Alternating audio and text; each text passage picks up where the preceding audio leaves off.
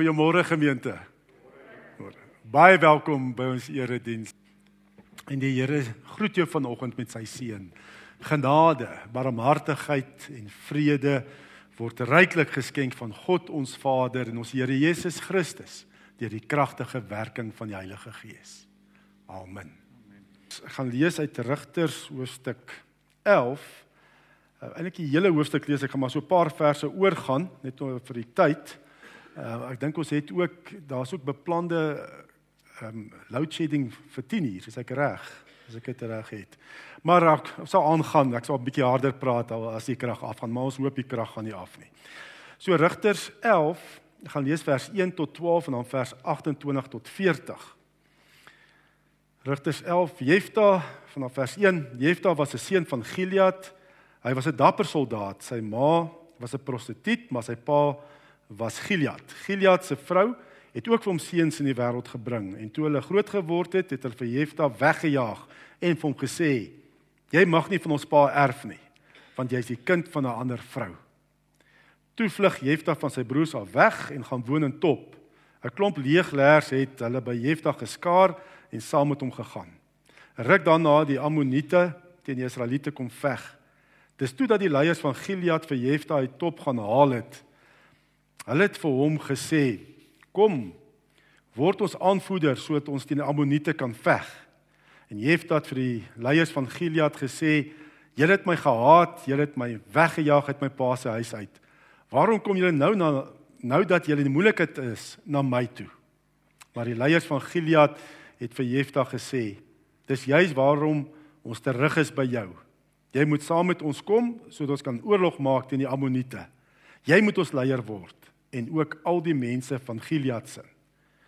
Toe sê Jefta vir die leiers van Gilead: "Moet ek julle leier word as julle my terugneem om teen die Ammoniete te veg en die Here hulle in my mag oorgee?" Die leiers van Gilead het vir Jefta gesê: "Die Here hoor wat ons vir mekaar sê en hy sal ons straf as ons nie doen wat jy sê nie." Jefta het toe saam met die leiers van Gilead en die leer het hom aangestel as hulle leier en aanvoerder Hy het alles wat hy vir die leiers van Gilead gesê het aan Mispa herhaal in die teenwoordigheid van die Here. En toe stuur Jefta boodskappers na die koning van Ammoniete, na die koning van die Ammoniete toe om hom te vra: "Wat het tussen ons gebeur dat jy hiernatoe gekom het om teen my land oorlog te maak?" En dan vanaf vers 13 tot vers 27 is daar diplomatieke onderhandeling tussen Jefta en die koning van die Ammoniete en wat die koning van Ammoniete sê maar ja Israel het met hulle uittog nê nee, en deurtrek. Na Kanaan het hulle die grondgebied van die Ammoniete gesteel. En maar dan sê Jefta nee hy ken die boek. Hy het die Bybel van sy tyd geken. Die boek ehm um, uh, Exodus en Numeri sê dit is nie so nie dis die Amorite wat die Here in hulle hande gegee het. En dan kom ons by vers 28 en verder wat ek gaan lees. Maar die koning van die Ammoniete het nie geluister na die boodskap wat Jefta gestuur het nie. Toe die gees van die Here op Jefta gekom en dis veral waarop ons gaan fokus vanoggend. Toe die gees van die Here op Jefta gekom en hy het deur Gilead en Manasse getrek en verbygetrek tot by Mispa in Gilead. En van daar af het hy teen die Ammoniete opgetrek. Jefta het 'n gelofte teenoor die Here afgelê en gesê: "As u die Ammoniete vandag heeltemal oorgee in my mag, sal die een wat my uit my huis uit te gemoed kom wanneer ek behoue terugkom van die Ammoniete af aan die Here behoort. Ek sal hom as 'n brandoffer offer. Jefta het na die Ammoniete toe getrek om teen hulle te veg en die Here het hulle in sy mag oorgegee. Jefta het hulle van Aroer af verslaan tot waar 'n mens kom by Minit 20 stede by Abel Keramim was daar 'n groot veldslag. Die Ammoniete is voor die Israeliete verneder. Jefta het in Mispa by sy huis gekom en toe kom sy dogter om te gemoed met tamboeryne en koordanse. Sy was die enigste kind, hy het nie nog 'n seun of 'n dogter gehad nie. Toe hy haar sien, het hy sy klere geskeur en gesê: "Ag, my dogter, jy het my gebreek en in 'n ellende gedompel. Ek het my woord aan die Here gegee en ek kan dit nie terugtrek nie." Jefta se dogter het hom geantwoord: "Pa, pa het pa se woord aan die Here gegee. Doen met my wat pa gesê het nou dat die Here vir pa gehelp het om pa se vyande, die Ammoniete te straf. Sy het verder vir ons sê: "Bewys my net hierdie guns. Gee my 2 maande uitstel om berge toe te gaan en daar saam met my vriendinne te gaan treur oor my lewe as jong meisie." Hy het vir haar gesê: "Gaan gerus maar." Hy het haar 2 maande vrygelaat en sy na vriendinne het berge toe gegaan en gaan treur oor haar lewe as jong meisie in die uh, 53 vertaling en 2020 vertaling praat van haar maagdelike staat, nê? Nee? Haar maagdelikheid. Dis 'n meer letterlike vertaling uh van die Hebreëus. Na die 2 maande het sy teruggekom na haar pa toe en hy het met haar gehandel volgens sy gelofte wat hy afgelê het. Sy het nooit gemeenskap met 'n man gehad nie. Dit het 'n gewoonte in Israel geword. Dis 'n Israelitiese meisies elke jaar 4 dae lank gaan treur oor die dogter van Jefta, die Gileadit. Ja, ehm um, gaan kyk veral vers 29 toe die gees van die Here op Jefta gekom. Uh, ek dink ons almal het al baie stories gehoor van mense wat ergere struikelblokke in hulle verlede oorkom het, nê? Nee? Jy hoor daai mooi stories van mense wat byvoorbeeld uit 'n huis kom uh waar die ouers alkoholiste was of ehm um, ouers was werkloos. Ehm um, of kom uit 'n weeshuis. Uh, ouers dalk vroeg oorlede in 'n motorongeluk.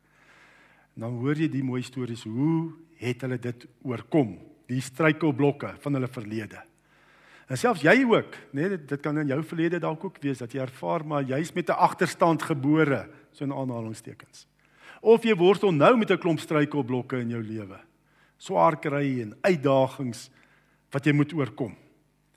Nou ehm um, Jefta was 'n persoon wat ergere struikelblokke in sy lewe oorkom het en veral in sy verlede. Nee, sy ehm um, sy pa was Gilead, maar hy was uh, sy pa 'n buiteegtelike verhouding gehad met 'n prostituut en soos hy toe verwek en gebore, sy ma se prostituut.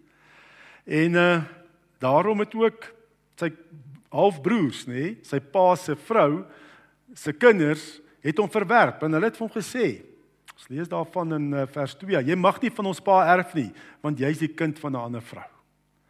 Dink man net daai verwerping waarmee jy groot geword het nê daai skaamte. My ma se prostituut ek is 'n buiteegtelike kind nê partykeer praat mense mos van 'n bastard nê in die ou dae het hulle so gepraat nê dit is waarmee hy groot geword het um verwerping en skaamte Maar dan lees ons verder, nê? Nee, hy het dan toe ook na top toe gegaan en hy het 'n geharde vegter geword, nê? Nee, en ook 'n leier en 'n klomp ander leegelaars, nê, nee, mense wat seker dieselfde ervaar het, wat ook verwerp is deur die samelewing. Skaamte geleef het om hom geskaar. En hy het hulle leier geword, hulle aanvoerder. En uh in daai tyd het hy so ehm um, kan ek sê so so goed geword nê as 'n soldaat en leier dat hy bekend geraak het in Israel. Dat toe die Ammoniete vir Israel aanval, toe gaan hulle na hom toe en sê word jy ons leier. Hy was 'n bedrewe swaardvegter nê en 'n leier gewees. Mense het hom gevolg. En hulle kom roep hom om die Israeliete se aanvoerder te wees teen die magte van die Ammoniete. Hy het bekend geraak as leier en soldaat. En dan uh vers 7 staan toe hulle na hom toe kom om te sê word ons leier te sê julle het my gehaat. Julle het my weggejaag uit my pa se huis uit. So hy moes hierdie skaamte, hierdie verwerping oorkom om by God se doel in sy lewe te kom. By God se skepingsplan vir sy lewe te kom. Jy moet afgooi. Jy moet daarvan ontslaa raak. Anders te kan jy nie daarby. Hy moes daai pyn oorkom om die roeping van die Here uit te voer.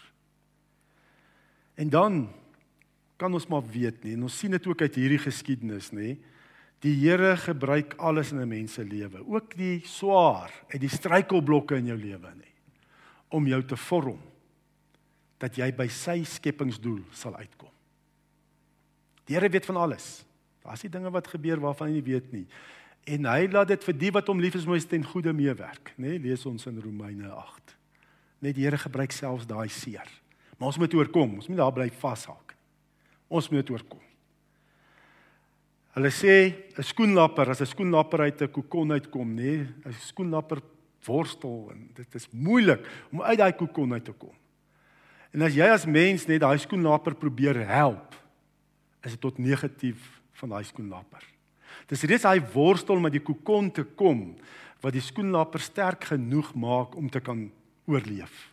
Sterk genoeg maak om te kan vlieg, daai vlerke te kan vlieg.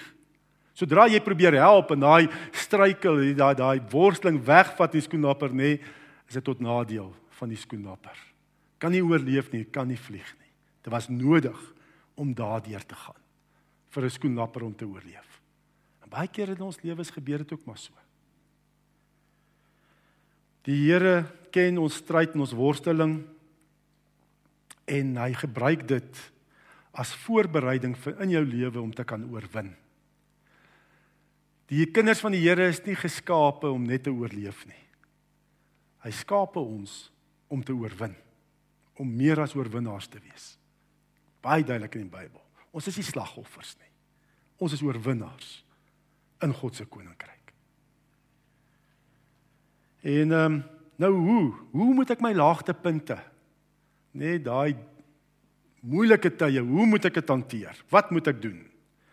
Dan soos die prediker digter sê nê, doen met toewyding alles wat jou hand vind om te doen.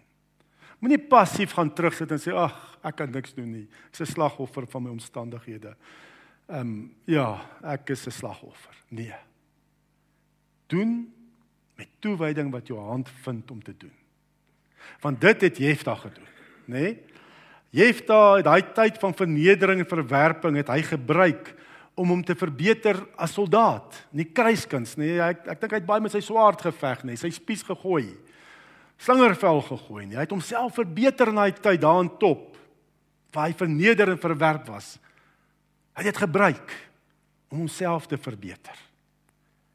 Ehm um, en dan ook dat mense gekom en gesien maar hierdie ou het oomf nê, nee, gaan lê nie, word nie platgeslaan deur omstandighede nie.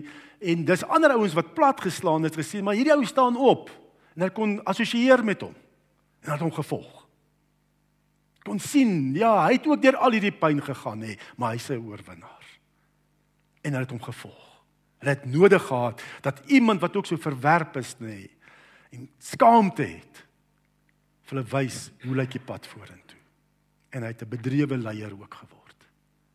Gebruik daai tye. Dis kosbare tye wat die Here jou vorm en voorberei vir dit wat voorlê in jou lewe. Dit is nie jy hoef nie daarby vas te haak in daai pyn en sê ag ek kan niks doen nie. Dit maak 'n mens reeds sterk vir die pad met die Here. Ehm um, En dan sien ons ook, nee, as ons nou lees daar vanaf vers 12 tot 27 waar hy nou diplomatieke onderhandelinge aangaan met die Ammonitiese koning, nê. Nee, hy het die Bybel van sy tyd geken. Hy het die boek boek Eksodus en Numeri het hy geken. Waar hierdie Ammonitiese koning sommer net skoor soek en sê ja, maar julle het ons grond gevat, sê ja, dis nie wat daar gebeur het nie. Nê? Nee, dis die Amorite wat die Here in ons hande gegee het. So hy het die woord geken. Hy het hom ook verdiep in God se woord in daai laagtepunt tye. In die tyd van vernedering en verwerping. Hy het die woord van die Here en die beloftes van die Here het hy geken en hy het sy talente beoefen en homself verder toegerus. Ehm um, en wat doen ons? Nee, moenie in jou moeilike tye gaan terugsit en sê ag ek kan niks doen nie. Doen wat jou hand vind om te doen.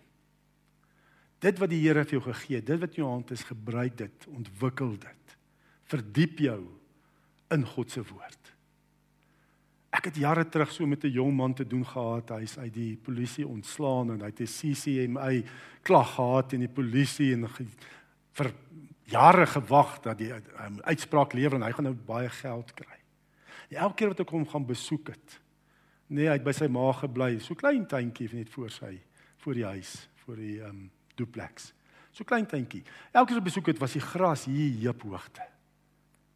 En dan dink ek maar hy kan dan net die gras sny, verstaan jy? Moenie gaan passief terugsit en sê, "O, oh, almal skuld my iets nie." Nee, jy gaan nêrens kom met so 'n houding nie. Die Here het mos vir jou geskaap na sy beeld Nee, jy het kreatiwiteit, jy het 'n brein, jy het jy het dinge wat jy kan doen. Daar's altyd iets om te kan doen. Al moet jy verniet gaan werk vir 'n ruk, as jy dit gaan doen, net die Here sal voorsien. Die Here sal voorsien. Want hy het 'n plan en doel met ons lewens, maar dit gaan nie gebeur as jy net terugsit en sê almal die wêreld skuld my iets nie. Want kyk my agtergrond, hoe swaar het ek gekry. En dan nou gaan hierdie diplomatieke onderhandeling voort, maar dan kom dit op 'n dooie punt. Wat die Amoniete, jy kan sien, hulle soek maar net moeilikheid, nee, hulle wil hulle wil veg. Hulle wil Israel veg. En dan uh, val hulle, kom hulle trek hulle op. Ehm um, op vers 28 maar die koning van die Amoniete het nie geluister na die boodskap wat Jefta gestuur het nie, nee, en hy het opgetrek. En dan staan hierdie belangrike woorde van vers 29. Toe het die gees van die Here op Jefta gekom. Gees van die Here, nê, nee, dit is besonderse woorde. Hierdie frase word nie gesê van enige ou in die Ou Testament nie, dit is net sekere ouens, sekere spesifieke ouens met spesifieke tye die gees van die Here oor hulle kom en dis ook met die gees van die Here wat jy hierdie struikelblokke oorwin en dat jou skepingsdoel kan lewe. Nê, nee, dit is 'n uh, absoluut belangrike woorde hierdie. As ons nou sê van gees van die Here, dit was 'n spesiale seëning en hulp aan 'n paar uitverkore persone in die Ou Testament.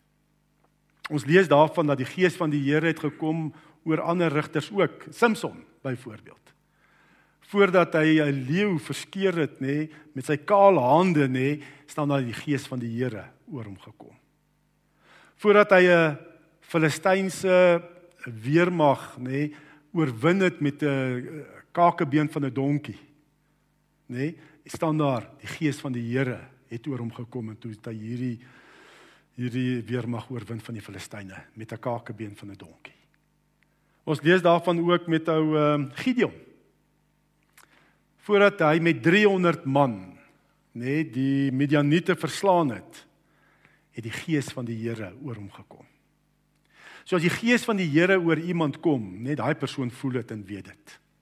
En dis 'n teken dat die oorwinning beslis is. Dis 'n dis jy gaan nie net wen nie, jy gaan 'n beslissende oorwinning behaal. Met 300 man verslaan jy hierdie duisende ouens.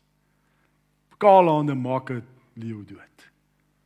Met kakebeen nê, oorwin jy weer mag.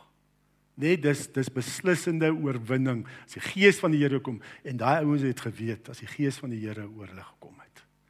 Het geweet en het geweet ook dis 'n teken van God se spesiale belofte en oorwinning in hulle lewens. Ehm um, en Jefta, Jefta het duidelik gevoel, hy moes 'n duidelik gevoel het van die gees van die Here kom oor hom. Nê? Nee? En hy het geweet die oorwinning, die Here beloof, die oorwinning gaan plaasvind beslis en daar gaan 'n groot oorwinning kom. Hy het geweet. Hy het gevoel en geweet hy sal oorwin. Maar hoe reageer hy? Hy, hy maak hierdie belaglike gelofte. Alhoewel die Here hom die teken ge, die teken gegee het, jy gaan oorwin. Jy kan dit voel ek werk in en deur jou. Nee, kom hy hy maak nog steeds 'n gelofte.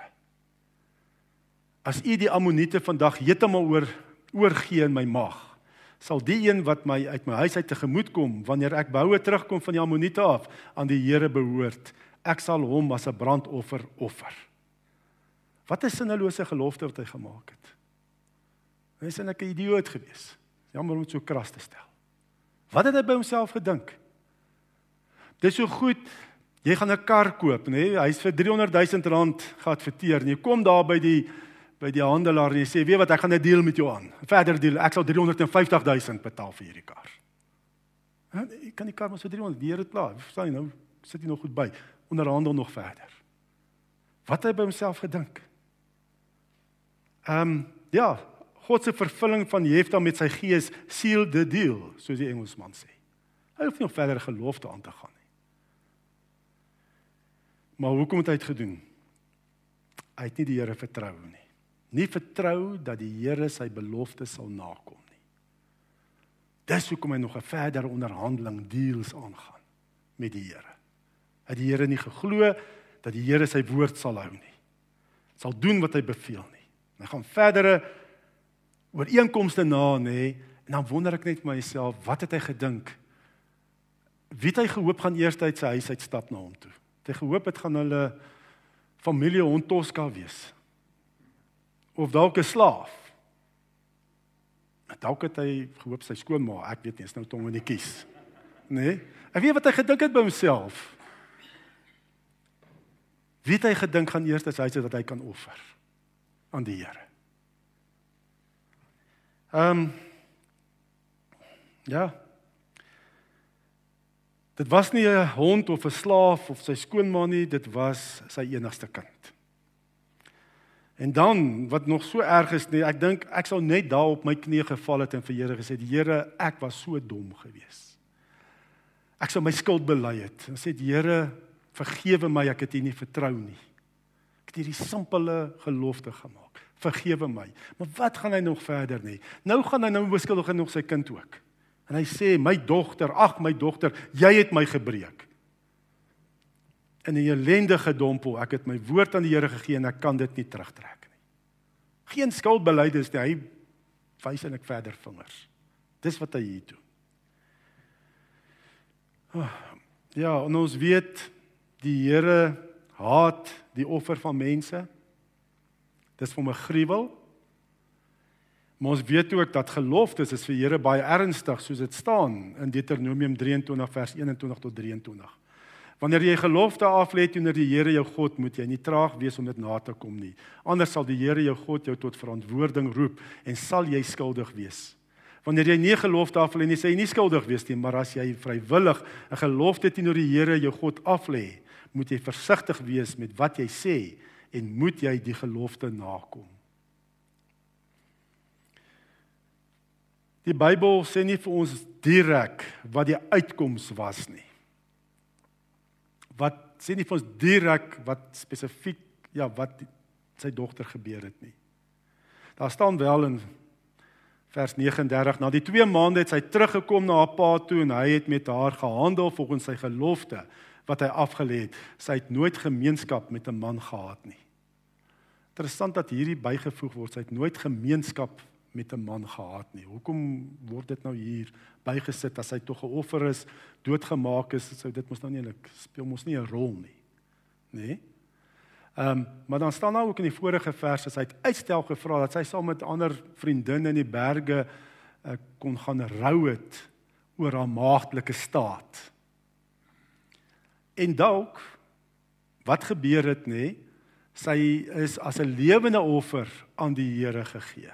Nee, as ons dink aan Romeine 12 vers 1 wat die wat Paulus ook sê, gee julleself aan die God as 'n lewende heilige offer wat hom aanneemlik is. En dit is wat dalk gebeur het. So ek sê dit staan nie direk daar nie. Ehm um, maar dat sy ehm um, daai ehm um, daai hoop wat gehad het wat al die Israelitiese dogters gehad het om dalk die moeder te wees van die Messias wat gaan kom of om in die geslagslyn opgeteken, sy dit verwel geroep en sy het haar hele lewe toegewy aan dienswerk dalk daar by die tabernakel. Dienswerk aan die Here en dan natuurlik nooit getrou en 'n nageslag gehad nie. Dit kan dalk ook wees. Want hoekom word hierdie dinge so genoem tussendeur? Ons weet ook die Here haat menseoffers. Dis 'n gruwel vir hom. Maar gelofte moet nagekom word. Dat sy 'n lewende offer aan die Here gewys wat voltyds hom gaan dien het en ehm um, ja, en hy nooit ook omgang met 'n man gehad het nie, nooit getrou het nie. Ehm um, haar sy het haar maagdelike staat beween. Nou ehm um, ja, vandag die wonderlike vir ons vandag nê nee, is dat vir alle Christene is die invulling nê nee, dat die Gees oor jou kan kom is beskikbaar vir elke Christen. Dis die wonderlike van die na Jesus se kruis en opstanding want hy sê Jesus sê in Johannes 7 vers 39 hierdie met hy na die Gees verwys want die mense wat tot geloof in hom kom sou die Gees ontvang. Die Gees was nog nie uitgestort nie omdat Jesus toe nog nie verheerlik was nie. Alraai ek het lyk my 3 minute voor 10. Ehm um, ja, dit was 'n was wonder weet die Gees, Christus deur sy kruis, sy opstanding, sy hemelvaart en sy hemelvaart was sy troonbestuiging nê. het toe nadat hy dit alles deurgegaan het, het as die verheerlikte, die gekroonde Jesus sy gees op Pinkster uitgestort nê, wat ons vul met krag vir bediening om ons skepingsdoel te gaan doen, soos wat Jefta God 'n spesifieke skepingsdoel gehad het met hom. Hy's gevul met die gees om dit te vervul. Dis vir ons almal daar ook. Na Christus se kruisiging, opstanding, hemelvaart. God se gees is hier op aarde nê met krag, vul ons met krag en ons bemagtig ons tot bediening. Ehm um, dit is die Here het vir ons verwerf. Ek het ja, 'n paar keer al so ervaar wat jy net voel die Gees kom, vul jou in, gee vir jou krag nê, nee, dit voel of jy so op die wolke loop. En niks is onmoontlik nie. Ek noem dit een keer daar in Middelburg het ons so in die strate gegaan nê, nie een ding na die ander het gebeur en ek wou net nie hê dit moet opgaan ophou nie. So toe gaan van plek tot plek in ander kulture nê en wonderwerke het net plaasgevind. Ek het so ervaar. Jy loop so op die wolke. Ek onthou 'n ander keer het ons hier 'n um, ehm, Heilige Gees bemagtigings uh, naweek aangebied nie. Ons het uitgaan strate toe. Laat sulke wonderlike dinge met 'n groep gebeur net hier by Elwer Place. Een van daai ouens wat dit gedoen het, die volgende keer toe ons aanbied, het hy net gekom vir die prakties om weer saam uit te gaan om dit net weer te ervaar.